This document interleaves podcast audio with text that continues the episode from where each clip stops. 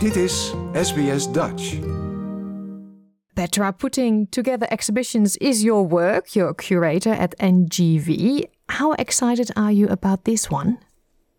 I'm extremely excited to see Rembrandt on the walls because we've been wanting to get our Rembrandt collection of prints out on display for a while.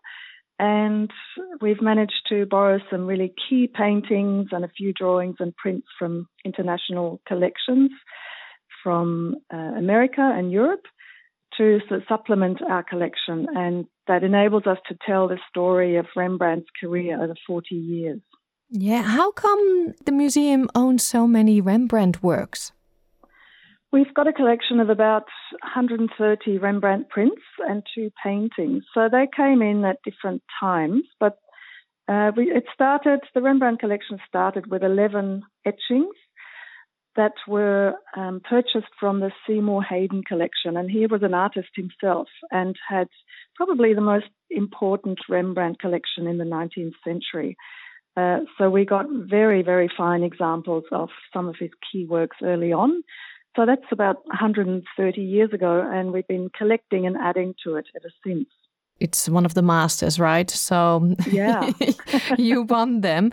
Um, the exhibition is called Rembrandt: True of Life. I think the title of the exhibition says it all. You can see works from the beginning till the end and in between.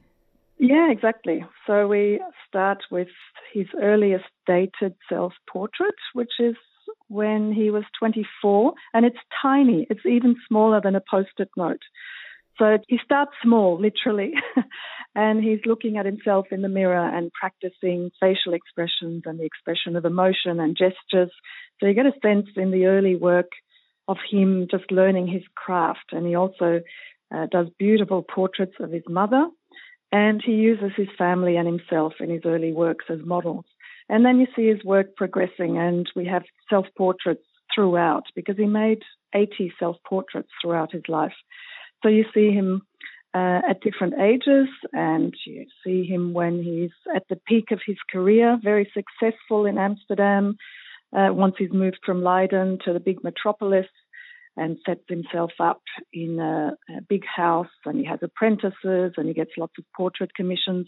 And then you see him a little bit later on after he's gone bankrupt because he um, gets into financial problems for a number of reasons. And one of them is his collecting habit. He collects and buys a lot of art and also curiosities that are coming in through the port of Amsterdam on the ships from uh, Southeast Asia in particular, through the Dutch East India Company. So all of these things lead him to uh, go bankrupt in 1656. And then we see uh, one of the key works in the in the show, which is a painting, a painted self portrait done about three years after he goes bankrupt, and that's on loan from Washington. And it's this very self reflexive, unflinchingly honest depiction of Rembrandt, well, true to life, as you said, as the title of the show says, really um, painted just the way he looks. There is no flattery there, no, but a great deal of sort of insight. I think it's always very ironic to know that those painters, like Rembrandt, Van Gogh was the same. They really struggled in life, and now their works are yeah. so much worth, and people pay millions and millions. It's just, I just wish they would know. Yes, I know. It's and, um, special. Yeah. Yeah, it is. But, you know, I think Rembrandt had a pretty good idea that he was unique and he would be famous beyond his lifetime. That I think is quite clear in some of his works and some of the, the ways in which he represents himself. He, he was um, very consciously uh, making work in etching and in painting that and thematically was different from what anyone else was doing. So I think he very consciously placed himself into you know, the trajectory of art history. Yeah. You mentioned before most of the works are from the NGV's collection. Uh, there are works from Washington, from het Louvre in Paris, uh, Vienna, uh, Haarlem, het Teylersmuseum, and of course het Rijksmuseum in Amsterdam. Um, we can tell the people, I think they know, the Nachtwacht is not there.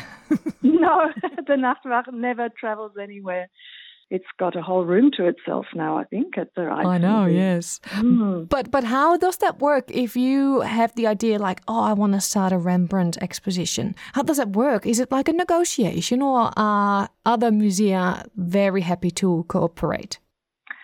Um, in principle, they're very happy to cooperate. but it is it's a negotiation, and you need contacts and you need to offer something in return, but it doesn't have to be very, you know, direct. It's about re- establishing relationships with other museums and showing goodwill. And in the longer term, we will be able to do things for them. So it's a sort of give and take. But a lot of museums will just not lend any Rembrandts because most only have two or three in their collection, and people in that city where they are, you know, go to the museum to see the Rembrandt. So if there's one or two missing, um, it's a really big deal. So um, it's only really the bigger museums who will lend them because they've got enough to still have their own on the wall for people to visit. Yeah. Which one are you the most proud of that you got from another museum? I'm very proud of the uh, self portrait the late self portrait from Washington. So that's really stunning. But they're all great. They all tell a story. And there's a very early one from the Rijksmuseum that he painted when he was only 20. So that's really interesting in terms of seeing how he develops. And then we've got this great landscape. That's the la- largest landscape painting he ever did. It's also from Washington. And beautiful drawings from the Teylers Museum.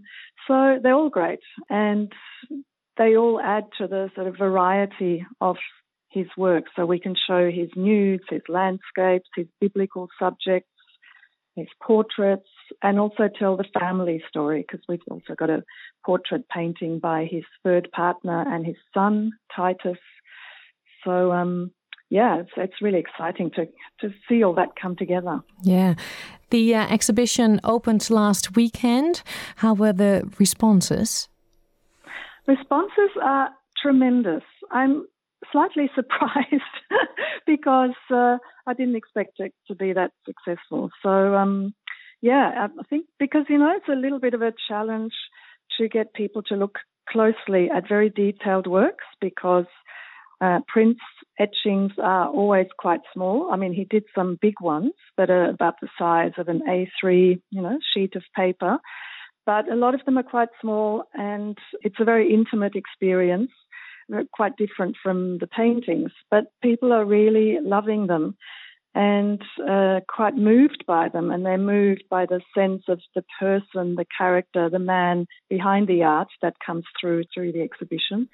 And also, they're loving these cabinet of curiosities that I've put together, which is based on his collection, Rembrandt's collections of objects, so all kinds of objects that inspired him. They were musical instruments and um, marble busts and fossils and animals, stuffed animals and Chinese porcelain and Japanese lacquerware and weapons because he used these things as props in his paintings. But uh, of recreated a little impression of that collection and of his art collection. So works by artists who he admired and collected and who influenced him. So I think that's a real surprise for people. It's a bit of a, a breakout space in the middle of the uh, all the artworks on the wall, suddenly get this uh, three dimensional experience of objects. And that's all those things are based on an inventory that Rembrandt um, had of his collection. So we actually know what he collected, and it's based on that. So that's a real surprise and really good fun. Yeah, it sounds amazing. People can visit Rembrandt True of Life at the National Gallery of Victoria till the 10th of September. So they've got some time to go. It sounds so amazing. I hope many Dutchies and also other people, of course, come over and visit. Thank you, Petra. Thank you very much. Like, deel, Geef je reactie. Volg SBS Dutch op Facebook.